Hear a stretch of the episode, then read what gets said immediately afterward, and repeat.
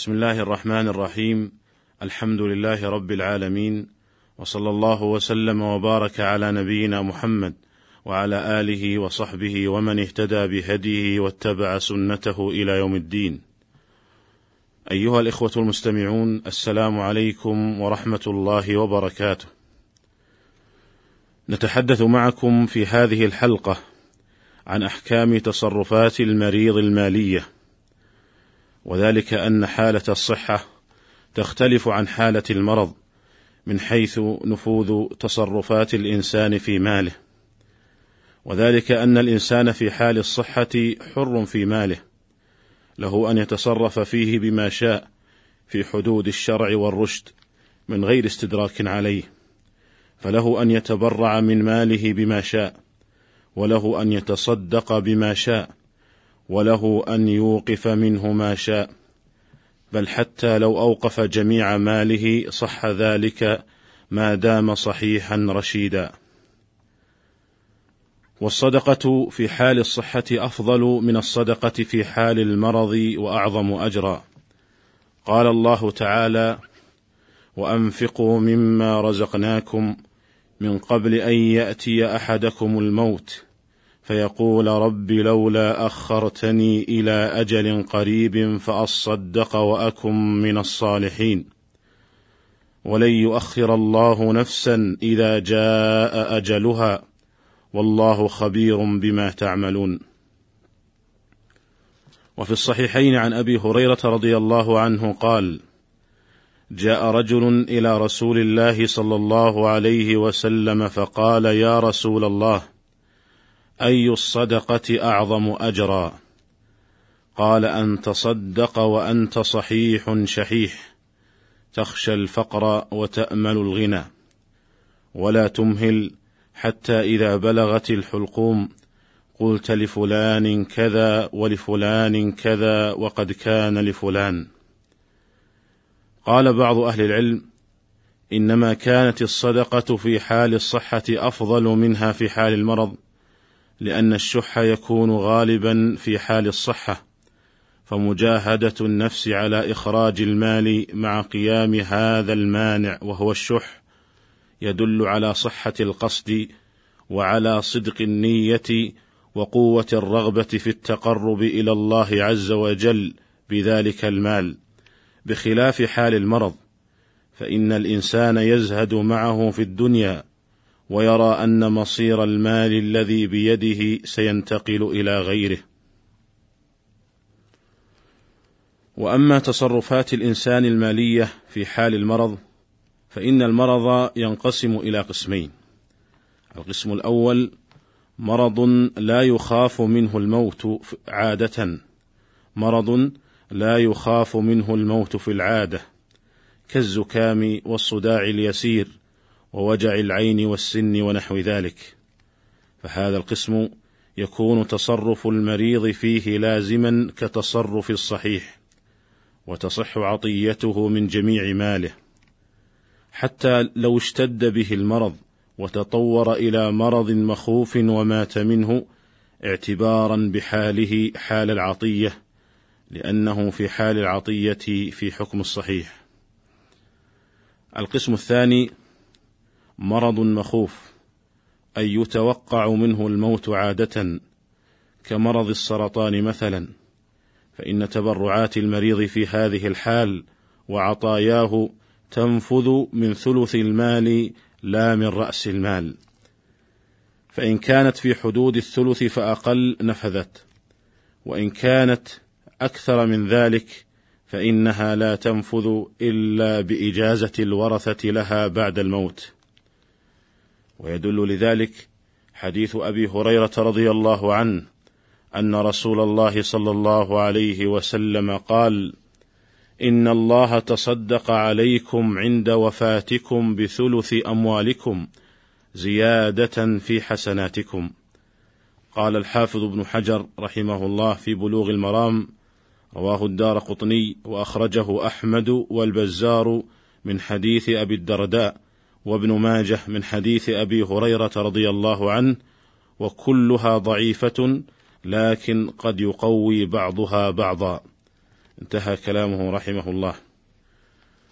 وهذا الحديث وما ورد في معناه يدل على الإذن بالتصرف في ثلث المال عند الوفاة لأنه في حال المرض المخوف يغلب موته به فكانت عطيته من رأس المال تجحف بالورثة.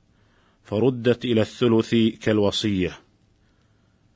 وتصرفات المريض المرض المخوف لا تنفذ فيما زاد عن الثلث. يدل لذلك ما جاء في صحيح مسلم عن عمران بن حسين رضي الله عنه أن رسول أن أن رجلا أعتق ستة أعبد له في مرضه لا مال له غيرهم فدعاهم النبي صلى الله عليه وسلم. فجزأهم أثلاثا ثم أقرع بينهم فأعتق اثنين وأرق أربعة وقال له قولا شديدا فإذا لم ينفذ العتق مع قوة سرايته فغيره من باب أولى. وفي معنى المرض المخوف حالة الخطر كمن وقع الوباء في بلده أو كان بين الصفين في المعركة أو كان في لجة البحر عند هيجانه أو قدم ليقتل قصاصا أو غيره فإنه لا ينفذ تبرعه في هذه الحال فيما زاد على الثلث لا ينفذ تبرعه فيما زاد على الثلث إلا بإجازة الورثة بعد الموت. ولا يصح تبرعه في هذه الحال لأحد ورثته بشيء إلا بإجازة الورثة إن مات في هذه الحال.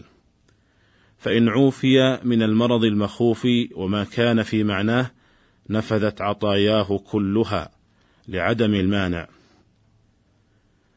قال الموفق بن قدامة رحمه الله وكذلك الحامل عند المخاض أي أنه لا تنفذ عطيتها إلا في الثلث فما دون.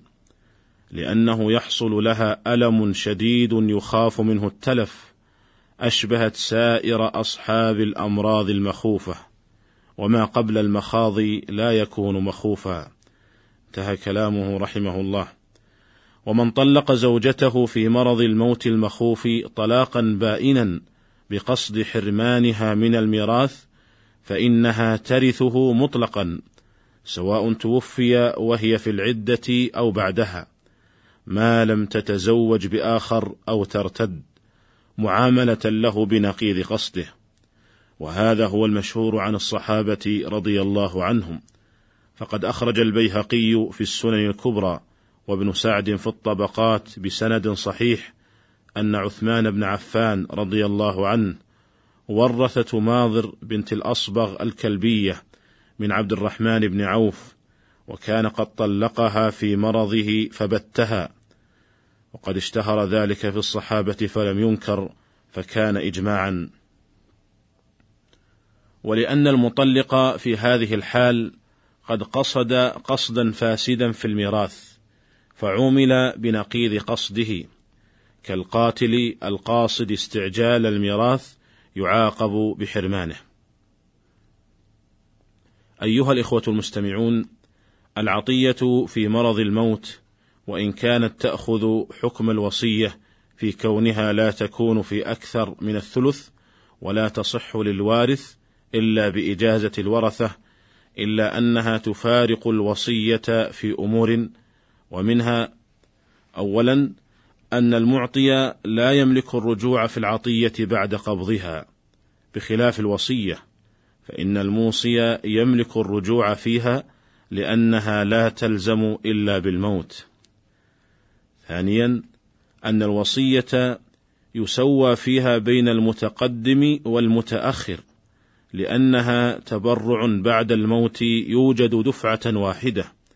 بخلاف العطية فإنه يبدأ بالأول فالأول فيها لأنها تقع لازمة في حق المعطي. ثالثا أن العطية يعتبر القبول لها عند وجودها. ويثبت الملك فيها عند قبولها.